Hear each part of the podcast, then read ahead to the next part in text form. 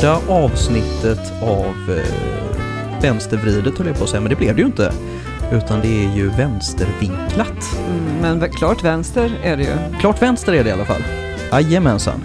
Från Vänsterpartiet i Mölndal. Mm. Så att vi kan prata lite grann om hur det ser ut där och, och vad vi vill och, och allt det andra. Och det behövs. Det är inte så mycket man eh, till exempel kan läsa i Mölndalsposten. Inget ont om Mölndalsposten, men det, kan, det står inte jättemycket om vad vi gör. Eh, jag tror att vi gör mer än vad det står i alla fall. Och det, Det- kanske vi ska Ja, prata vi- lite om. Vi Och vad vi ligger, vill. ja, vi ligger ju lite bakom hela tiden så att säga. Men eh, vi får ju inte hamna i framsätet utan vi sitter ju alltid i, i bagageluckan nästan. Men då Mm. kanske vi har placerat oss där själva. Skulle jag inte vilja säga att vi har utan vi blir placerade där. Ja, men då får vi väl lära oss att Ja. ta oss Mm. för oss lite bättre. Och det är väl därför kanske vi sitter här. Så kan det vara. Nej men vi kan väl börja den änden då istället. Jag hade tänkt att vi skulle börja med vilka vi var som satt där, men vi kan ju börja med varför. Ja.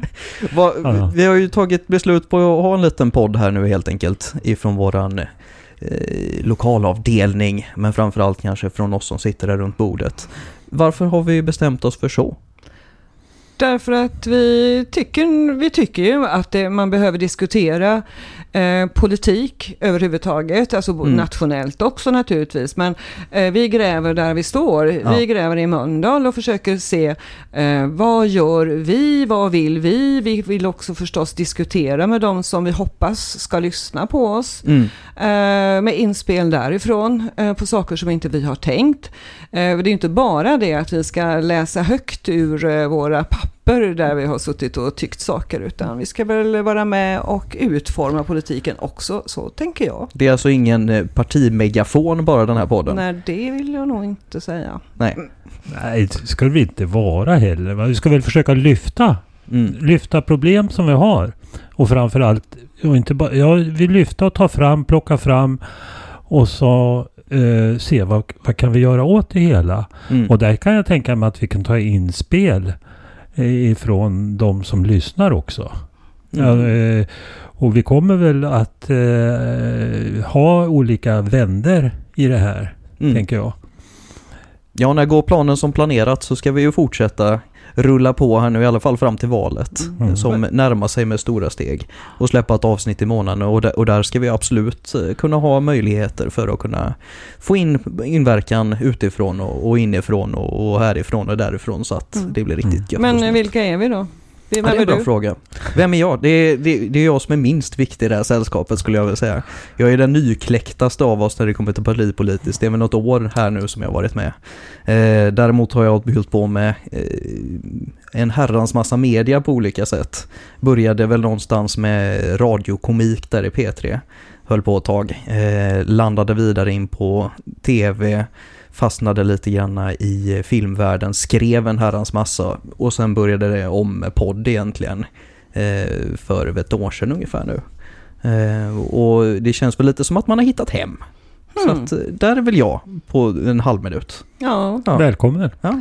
Just det, det glömde vi nästan av att säga. Det, det viktigaste när det kommer till min politiska gärning, då är det inte att bli bankchef så småningom, utan det var konstruktivt förbannad och rikta den här ilskan som eh, finns ute i samhället mot de som förtjänar den och inte de som i nuläget får ta emot den. Mm. Jag heter Vivian jag har nästan samma bakgrund som du, ja, fast inte riktigt och mycket tidigare förstås, för jag är, ehm, jag är född i Trollhättan, Mm. eh, blev journalist som efter ett 20-tal år halkade in på, eh, på politikbanan. Eller halkade in, jag har alltid haft, eh, som man brukar säga, lite klyschigt, hjärtat eh, till vänster. Mm. Men eh, då började jag, eh, då, jag gick med och eh, så småningom, ganska snabbt faktiskt, så råkade jag bli riksdagsledamot. Det var på rätt plats vid, vid ett bra tillfälle Mm. kan man väl säga. Jag har aldrig tänkt att jag skulle bli det överhuvudtaget. Men det var jag mellan 2006 och 2017. Och nu är jag tillbaka i eh, det gamla gebitet Mm. och ska försöka göra podd som jag ju aldrig har gjort. Jag har gjort väldigt många radioprogram och tv-program men inte podd. Det är lite speciellt, vi känner oss för. Mm. Ja, hej och jag heter Jerker Halling. Och eh, sitter med i kommunfullmäktige här. Startade en gång i världen. Har väl alltid, varit- alltid ska vi inte säga, men från 20-årsåldern intresserad av politik. Eh, började med eh, Vietnamrörelsen. Mm. Startade väl det hela egentligen. Och på den vägen ner och gick med i partiet 98.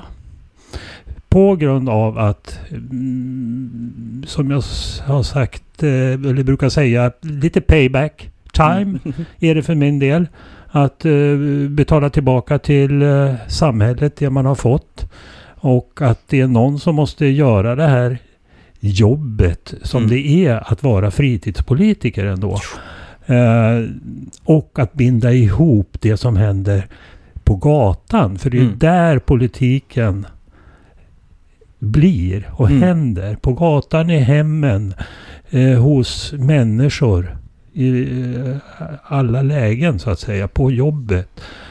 Eh, det är ju inte i eh, korridorerna. Eh, Fast det är det ju också. ja, det, ja, det Alltså kan... det är ju det med. Jag tänker så här, Mm. man måste ha det parlamentariska med sig. Men man är ju, man är ju en helt vanlig människa. Man har ju Ja. sina egna erfarenheter med sig också, tänker Mm. jag. Mm. Så, så att, men att man måste kommunicera emellan. Man måste ju, man får ju som sagt ta med sig. Man måste lyfta upp det. Ja. Mm. Och det är därifrån, man måste, men man måste hämta det Mm. ifrån eh, jo- jobbet, hemmet, eh, gatan. Mm. Eh, det är där man träffar de som eh, behöver det som saknas. Mm. Sen är det ju också när man ska få genomslag för en politisk idé, det är ju bara att kolla som det här nu med marknadshyrorna och de enorma folkvågorna som är mot det. De är ju både förankrade i de politiska korridorerna Mm. men också på gatan och i hemmen och i det personliga. Och det är väl ju någonstans när man ska få till den typen utav större samhällsförändringar eller kanske snarare samhälls... Ja, att bibehålla det samhället som vi fortfarande har till viss del. Ehm, det är då man har möjlighet att få ett riktigt genomslag. Mm. Men jag tänker det ibland, det är inte så ofta längre, inte nu för tiden. Men visst träffar jag ibland folk som säger så här, jag är inte intresserad av politik. Nej. Nähä, säger jag, så du är inte intresserad av vilken barnomsorg eh, ditt barn hade eller vilken skola hon Mm. eller han ska, eh, alltså går i hur bra den är. Så här, jo, men det är såklart, ja men det är politik. Men jag tror inte att folk alltid tänker så, att Nej. det är politik. Så här, politik är eh, blodigt allvar, men också väldigt spännande och ibland till och med roligt. Mm. Ja, Och oftast roligt. Och ett enträget arbete. Alltså det är det här droppen urholkar stenen. Verkligen. Mm. Om man vill ha igenom någonting så går det faktiskt. Fast det kan ta tid. Mm. Det var den största skillnaden tycker jag när jag eh, slutade eh, jobba som journalist efter ja, nästan 25 år. Eh, den stora alltså kulturkrocken var att eh, det inte, alltså det var inte nyheter, det var inte att göra sam, alltså det, kunde, det avslutades inte utan den här långa ledtiden. Mm. Och jag, när jag var ordförande i gymnasienämnden så tog det mig två år att få förändringar för den gruppen som Mm. jag hade fått med mig resten att eh, få. Och sen så var det två år och sen var det en ny mandatperiod. Mm. Och nästa ordförande var ju inte en vänsterpartist utan en moderat. Så att Mm. det som jag, det hade tagit mig den tiden, och tillsammans med nämnden och andra, Mm. bygga upp, det raserades sen på ett kick. Mm. Alltså då, det är, mm, det är tufft ibland. Köper jag fullständigt. Mm, mm. Och jag tror att vi är inne på två av de här kanske största pro- problemen som politik har med den utformningen som det ser ut nu, liksom just om vi ska prata politik i de politiska korridorerna. Dels den här långsiktigheten som man måste ha de glasögonen för att kunna se det liksom utifrån på något nyktert sätt. Den saknar, eller saknar elakt, men, men jag tror att vi pratar för lite om hur viktigt det är att titta långsiktigt när det kommer till de här grejerna. Just det här att vad har hänt, vad har vi haft för regeringar, inte nu utan kanske för fyra år sedan, för åtta år sedan, för tio år sedan, för 20 år sedan. Och vad har de gjort och hur ser vi de effekterna liksom bli idag? Eh, varpå det blir svårt kanske, oavsett egentligen vem det är som sitter och håller i flaggpinnen för tillfället, eh, att eh, ja, vad, hur, hur kommer sig att läget ser ut så här? Är det för att vi har dem nu eller var det för att vi hade dem då? Mm. Eller en Mm. kombination. Alltså, nej, men, alltså, det är rätt. Man, alltså, man, måste, man kan inte bara titta på innevarande mandatperiod och se fram till nästa mandatperiod.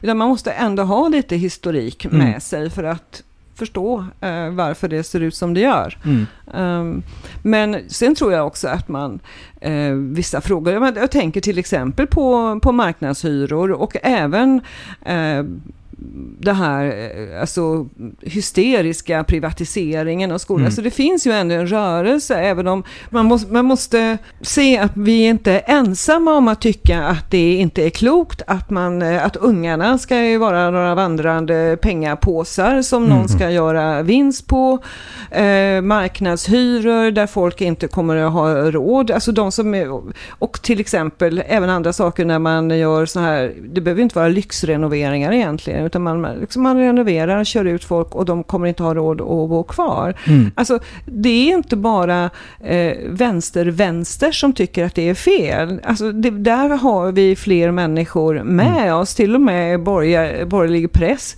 skriver ju på ledarsidor Mm. om att det här är ändå inte smakfullt. Alltså, så kan man inte riktigt göra. Så vi måste bli bättre på att eh, se att det finns rörelser och, och använda oss av det och Mm. pr- prata mer. Ja, det Ja, sen det måste vi göra mer än att prata. Ja, Mm. det handlar ju också om det. Du, du var ju inne på det där med privatiseringarna av skolorna. Och att eh, det handlar ju inte bara om vinsterna utan det handlar ju om att man urholkar ju eh, våra eh, kommunala verksamheter. Och det hänger inte bara på skolorna utan alla får ju vara med och betala det här Mm. eh, som, som eh, de privatiseringarna gör. För att det här urholkar eh, de kommunala verksamheterna hela tiden. Mm. Och det, det, eh, att det måste vi få ut. Ja, men det, blir, det blir ju också en negativ spiral, så tänker jag, när, eh, om vi tar till exempel eh, äldreomsorgen.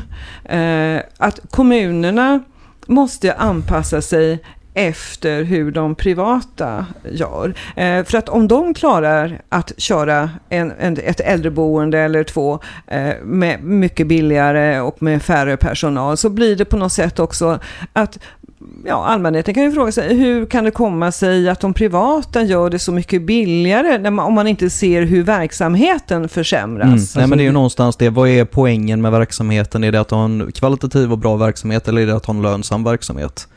Och där Ja. är ju verkligen någonting som har gått igenom egentligen i allt det vi pratar om nu. Vad är poängen med samhället? Ja. Är det att det ska någon som ska tjäna pengar på det eller är det att det ska vara ett fungerande samhälle? Och där är det ju olika Mm. ingångar beroende på vart du står någonstans. Alltså det, det, ja, när pengarna blir viktigare än människan, då, då har vi på något sätt tappat också varför vi har byggt upp det här Mm. gemensamma eh, välfärden på det här sättet. Det, vi har ju förlorat alltså, på välfärden på ganska många år om man tittar bakåt. Absolut. Mm. Nej, någonstans så får man väl börja räkna från nyliberaliseringen som kom där i 80-talet, början på. Men sen en grej som jag också, för att återvända lite grann till det här som vi var inne på varför vi gör den här podden, så är det väl en, både fördom men också någonting som stämmer är ju att politik ofta görs ganska svårtillgänglig. Kanske rent av ibland eh, med viss medvetenhet svårtillgänglig. Eller, eller om man vill vara snällare då, lite omedvetet. Och det tror jag är en stor del varför jag sitter här, var att göra politik dels lite mer lättförstått men också lite mer lättillgängligt.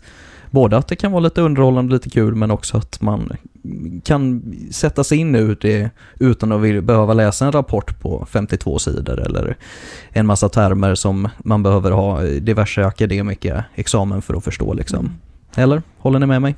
Jo, gärna, absolut. Men eh, du undrar så här, händer det någonting i Mölndal? Jajamän. Det skulle jag vilja påstå att det gör. Jag menar det händer. Jag har haft den här droppen som har urholkat stenen vad det gäller då eh, arbetsintegrerande sociala företag. Där Mm. jag skrev alltså en motion 2011. I fjol kanske vi kan säga börjar lossna. I år är det ketchup-effekten. Mm. Vad är arbetsintegrerade företag? Sociala företag. Det är företag som eh, är till för att eh, få in människor som, som står långt ifrån arbetsmarknaden i arbete. Som går från bidrag till lön. Mm. Eh, från oftast många gånger socialbidrag eller har varit ute på anstalter, missbruk Mm. eh, som får sig ett arbete. Och i Mölndal så är det nu fyra olika projekt som bara är fokuserat på Mölndal Mm. i just det här. Så att eh, det är väldigt intressant och dessutom har SKR, Sveriges kommuner och eh, regioner, har ett större projekt med 12 kommuner inblandade varav Mölndals kommun är en. Mm. Vi kan gå in på det lite senare i en special. Ja, men Ja, alla jobb, ju, alla jobb som, som blir av, det är ungefär som en träning, alla jobb som blir av är jätteviktiga Ja, förstås mm. för, för varje enskild person men också för oss alla. Mm. Absolut, och vi kommer ju prata mer om, om det här och, och mycket annat i, i nästa avsnitt som du också kommer Mm. vara med Jerker som kommer handla om just om integration. Mm. Och jobben är ju en, en stor del utav det, även om det inte är allt. Vilket vi kommer att stifta bekantskap med då. Men hörni, ämnet för idag, lite halvt i alla fall om inte annat, blir ju första maj som eh, står för knuten. Vad har vi för känslor inför eh, detta arbetarnas datum? Julafton som är röd på riktigt. Eh, alltså jag har sådana här minnen från när jag var barn. eh, att jag alltid var med. Jag vet, alltså det, var, det var faktiskt nästan alltid fint väder då. Eller också Mm. väljer man bort de där eh, första maj där det inte var så bra väder. Men, så att det, det, finns, det fanns en... Eh, alltså det känslan jag har är att jag inte riktigt förstod vad det var. Men att det ändå var häftigt. Det var väldigt... Eh, alltså folk var finklädda och det var på riktigt. Och, eh, och sen blev det ju så småningom när man själv skulle skriva första maj-tal. Mm.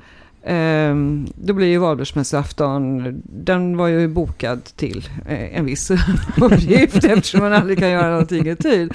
Och jag kommer ihåg när jag skrev, alltså det, inte bara det första utan eh, alla, alltså det är lite viktigt känner jag fortfarande. Alltså det är inte någonting man bara svänger ihop sådär, utan det, det är en dag som man måste ta, jag tycker, ja, man vill ha den helgdagen och ta den på allvar. Mm. Så det är viktigt vad man säger. Absolut. Mm. Mm. Ja, jag, jag har väl bara, jag har bara hållit två första majtal här i Mölndal då. Eh, så att, eh, men det är precis som du säger. Det får verka och det verkar och det verkar. Och det, men det fungerar. Och så verkar det fram och så får man fram någonting till slut. Eh, och eh, för mig så är det, jag har inte någon gammal historia tillbaka utan det är eh, ungefär den tiden jag har varit medlem i partiet. Jag, jag gick ju, ska jag säga, under hela sen 70-talet har jag väl gått i första maj-demonstrationer. Mm. Eh, och det har ju växlat då mellan olika eh, partiers olika eh, demonstrationer ska jag ju säga. Mm. Eh, fast nu sitter vi ju med Vänsterpartiet Mm. och där är jag ju nu. Och det känns tryggt och bra så. Mm. Betryggande. Ändå. Ja, då. Efter, du har ju varit med några år här nu. ja det, det, det går av sig självt. Ja det kan jag tänka mig. Det känns ja. som jag precis gick med. Ja, jag har ju inte fått hålla några första majtag än så länge. Jag vet inte om det har med så mycket att göra med att eh, folk har haft gott omdöme och inte släppt mig i närheten av mikrofonen eller att det bara inte har funnits någon i närheten. Men eh, det har väl alltid varit en dag egentligen som man har haft en, en lång tradition till och det är ju ett av mina första minnen är ju just från nere Mölndalsbrotorget liksom. Eh, där man stod som liten grabb liksom med morsan och så var det lite speciellt. Eh, och det har väl egentligen alltid varit lite våran grej. Nu är hon ju ytterligare ett steg ut på, på vänsterkanten liksom så att man får se vilket tåg som man passerar liksom. Men eh, nej, det, det är en eh, häftig dag och jag tror att det är just som den här podden och som det vi har pratat om tidigare, det blir också ett sätt att liksom hitta en koppling till, till gatan och till vanliga människor och en, ett band egentligen som för hela arbetarkampen tillsammans helt enkelt och gemensamt och visa att man har en koppling emellan. Och att det inte just är en, en liten partielit som styr och sen ska resten hoppa efter utan att man verkligen är en del utav en helhet så att säga. Och sen också då även i bredare lag med, med ett samhälle som tycker att det där med välfärd var ju en ganska trevlig grej som vi hade. Det är lite trist nu när vi inte har det längre. Men jag tycker för, första maj också, ehm, eller bör kanske mer jag, tänk, alltså jag vill koppla bakåt historiskt. Jag tycker att, jag ska inte säga att alla idag är historielösa och så, för, för så är det inte. Men jag tänker att, att det är viktigt ändå att man också tänker på alla de strider som men, andra människor före oss har tagit för att vi är där vi är. Och vi har så många fler strider att ta. Mm. Och att också eh, lönar sig. Alltså det är lite grann så jag tycker att alla människor som, som strider för alla människors lika värde och eh, ja, eh, och har tagit de här fackliga striderna och annat, att de ska känna liksom att man har, man har ändå uppnått något, men kampen måste ju hela tiden fortsätta. Mm. Absolut. Men det är väl att man manifesterar? Alltså man manifesterar på första maj. Alltså man manifesterar framgångar och eh, vad, vad det är som ska till och eh, vad är det vi vill nu. Mm. Eh, det är väl det upplever jag att man använder då och ska använda första maj till. Nej men så är det ju mm. absolut och jag tror någonstans det är ju lätt att tappa bort de här 150 åren utav arbetarkamp och vad de har lett fram till liksom, när man börjar titta på lagarna idag, som det här med LAS till exempel. Liksom. Har du inte den förklaringen och hur det har vuxit fram och var det kommer ifrån eller semesterveckor, liksom att det har gått från att inte vara någon semester alls och man skulle jobba hela veckan till att bli fem liksom. Det, har du inte med dig det så är det lättare att rucka på det helt enkelt och börja ifrågasätta varför man har det på det här sättet och, och kanske gå tillbaka till någonting som vi inte haft på hundra år utan en väldigt god god anledning. Men då är det omodernt att ha det där som faktiskt är det nya när det kommer till de här sakerna.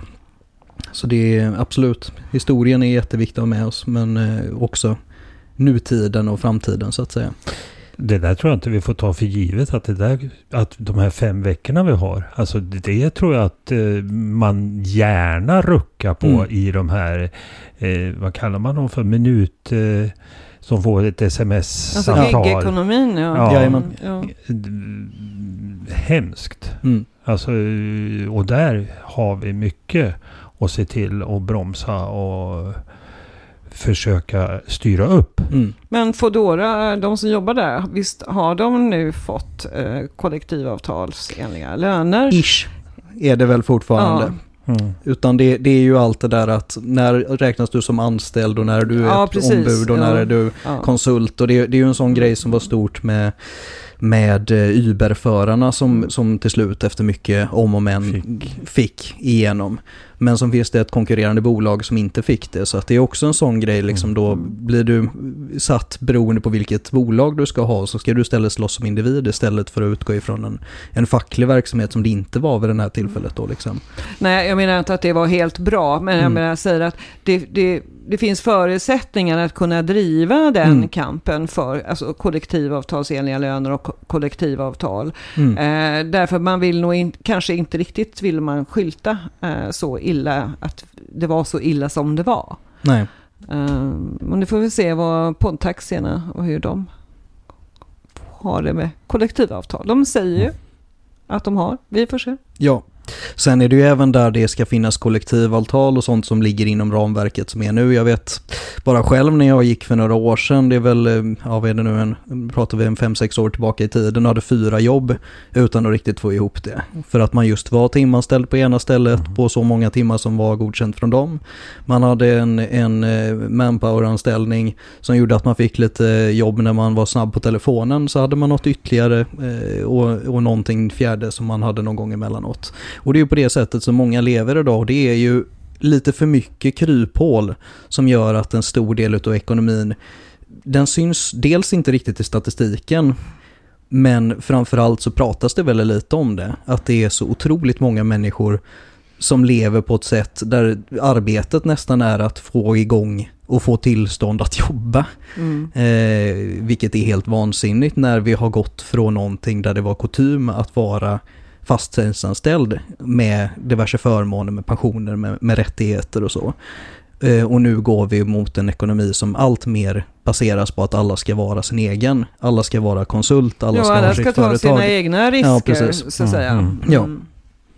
Men parollerna för Vänsterpartiet i år, nu har vi pratat om den första, jobb.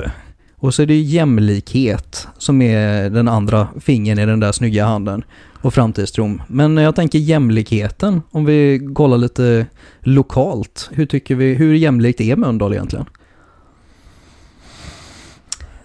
Ja, det är väl varken mer eller mindre jämlikt eller jämställt än eh, någon annanstans i Mm. Sverige, om vi bara håller oss i Sverige. Eh, och skrapar man så finns det naturligtvis jättestora Mm. eh, luckor, eller vad man ska säga. Man Mm. tittar på, om man skulle se vad man tjänar i olika bostadsområden till exempel. Och, ja, Mm. det, det är klart att, det är, att vi inte har någon jämlikhet att slå oss för bröstet för här heller. Så där har vi ju alla ett jättejobb Mm. att göra. Verkligen.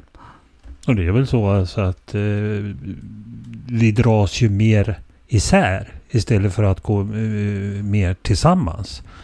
Eh, man utökar ju klyftorna Mm. eh, mellan människor Mm. och på så sätt ställer människor emot varandra och lägger dessutom skulden på människor själva. För, Mm. att, för att eh, ser ni hur det blir? Lyft er i kragen Mm. Och skärp er. Det blir ju liksom parollerna som man använder sig av. Jag tänkte på det nu i veckan. Jag bor i villa i Lindome och så fick jag ett brev från eh, villaägarna. Mm. Eh, jag är inte med där, men jag öppnade brevet och då, eh, nu har ju eh, S har ju på förslag, alltså det är S i, i eh, Stockholm eh, och Skåne väl främst som vill driva på för att återta alltså fastighetsskatten. På, jag vet inte exakt hur deras förslag ser ut, men det liknar väl mer den fastighetsskatt som var en Mm. gång i tiden. Och i det här brevet så uppmanar då villaägarna oss villaägare att gå med för att vi absolut ska fightas den här gången också för att Mm. det inte ska bli någonting. Och då räknar de ut hur mycket högre eh, fastighetsskatt man skulle få istället för den avgiften på några fiktiva om din villa är värd det ena eller det andra. Om det inte är något tak så får, kommer du att få eh, 25 000 mer Mm. eh, om året och du vet sådär. Men alltså jag föreställer mig, jag har ju som sagt inte sett S förslag, men det var ju redan vid det gamla fastighetsskatt, eh, när den, den fanns, så var det ju ett tak för Mm. Hur mycket man kunde ta ut, för det var ju inte alls så. Eh, för det satt ju många och, och sa att ja, den stackars änkan i Bohuslän sitter där och får gå från både hus och hem, för hon Mm. kommer inte ha råd att betala på grund av fastighetsskatten. Det där är ju ren lögn. Mm. Och, alltså, det kan få mig verkligen att gå igång. Mm. När man medvetet lurar folk eh, till att uppfatta en sak på ett sätt. Alltså, nej, fastighetsskatten tror jag skulle nog vara väldigt bra om den återinfördes på liknande sätt så, som det var eh, nu. Alltså för nu eh, kommer de med jättevillorna jättelindrigt undan. Mm. Eh, och i förhållande, apropå klyftorna. Mm. Ja, men så är det. Så att Visst det den så. som har ska vara givet. Mm. Nej, och det är ju verkligen, det är ju det blir så exceptionellt tydligt när det kommer till boendet. Har du en ägd bostad så har du ju alla fördelar i nuläget liksom som går att få. Du har ett ränteavdrag som gör att du kan låna ännu mer och få tjäna pengar på att låna i stort sett liksom, vilket är helt vansinnigt.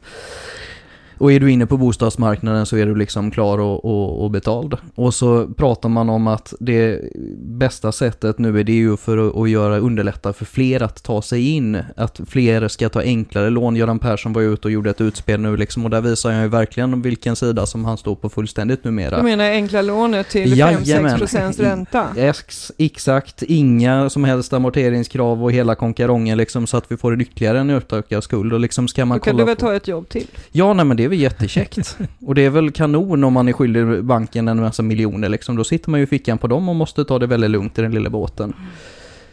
Och där är ju någonstans liksom, ska vi då vidga perspektivet lite grann, alltså den här krisen som vi hade efter att bostadsmarknaden i USA kapitulerade liksom 07-08, det var ju bara en liten fis i världsrymden om vi skulle kolla på vad som skulle hända liksom i Sverige om den svenska bostadsmarknaden kapitulerar, vilket den kommer att göra om vi fortsätter med den här utvecklingen som är nu, Mm. där allting är ett stort jäkla luftslott liksom. Men hur är det med bostäder i, i Mölndal? Finns det alltså till, tillräckligt med hyresrätter? Lär det väl tyvärr aldrig finnas. Vad jag upplever är att det byggs i alla fall inte tillräckligt med hyresrätter i Mölndal. Eh, man planerar, vet jag, i Forsåker att eh, om det eh, kommer att landa någonstans, det törs jag inte svara på, men runt 20 procent utav eh, bostäderna där ska bli eh, Men ja, jag bara funderar på hyrorna. Alltså de hyrorna, jag har inte exakt, Exakt. vad, vad de nya hyrorna kostar, men det är ju eh, rätt mycket. Eh, Mm. de är inte roliga de som Nej. finns Nej. idag och de som är relativt nya, det finns ju något sånt här 55 plus boende eh, i Bifrost. Mm. Där en trea ligger på 11, ja i alla fall mellan 11 och 13 000 i månaden. Och det är ju inte vem som helst som har råd att bo i en sån. Nej. Det finns mycket att göra här också i Mölndal när det Mm. gäller bostäder. Ja. Ehm, men alltså problemet är väl också att det, det är svårt att eh, bygga hur billigt som helst. Det går säkert att göra olika saker. Men man ska ju, vi ska ju verkligen inte närma oss att vi ska ha olika standarder heller. Nej. Vi ska ju inte ha social housing. Mm. Det är väl ingen Nej, vid det här bordet som vill ha i alla fall. Nej, absolut. Mm. Sen är det väl också liksom då frågan är vem ska bygga? Och har vi en byggmarknad som hela tiden drivs av byggnadsföretag som vill tjäna så mycket pengar som möjligt så är det klart att de kommer vara intresserade av att bygga den typen av bostäder som genererar mest pengar. Och det blir ju lyxlägenheter eller, eller bostadsrättshus eller liksom den typen av verksamheter som man Men ser. om kommunen äger mark så kan man ju upplåta den marken med vissa förbehåll. Eh, att Mm. man bygger vissa. Men jag har för mig att Mölndal har inte så jättemycket mark. Någon, någon sa någon gång att politik är att vilja. Ja, och att skaffa fram eh, mark. Det, det finns ju mark. Det finns ju överallt. Mm. Så eh, visst kan man bygga. Det är skönt att du gör den här bryggan som jag var inne på nu, för nu har vi pratat om jämlikhet, vi har pratat om jobben. Och så kom vi in på framtidstron Ja. där. Och, snyggt Jerker. Ja. Mycket vackert. Ska man ha framtidstro i Mölndal? Kort och gott. Ja, alltså, jo men det tycker jag nog att man ska ha. Alltså jag har bott i Mölndal i 35 år. Eh, och då hade jag, alltså jag hade naturligtvis varit i Mölndal tidigare. Jag är från Trollhättan, det är liksom inte norra Sverige. Eh, och så. Men jag hade ju varit mer i Göteborg. Mm. Eh, och Lindome hade jag överhuvudtaget inte varit i när jag såg, var där första gången och tittade på vad jag eventuellt skulle köpa. Eh, och har blivit kvar där. Det är jättebra. Alltså Lindome är så fint för det ligger nära stan och är rena landet. Men det är klart, och så tänker jag så här, tänk om man skulle börja bygga hus på alla gärdena. Alltså man vill ju att det ska byggas, det vill ju alla. Men sen så är det så här, men inte på min bakgård. Nej. Men inte så. så att jag fattar att det är inte lätt att bygga överallt. Eh, så. Men, eh, jo, men det finns mycket som är bra, tycker jag, Mm. att bo i Mölndal. Ja men vi har ju, vi är, eftersom vi är då, den här nära kommunen till storstan. Så är det ju en attraktivt. Säga vad man vill så är ju själva centrum är ju ganska tråkigt rent eh, estetiskt sett skulle jag vilja säga. Men så mycket bättre det är nu. Jag åker aldrig in till Göteborg längre. Mm.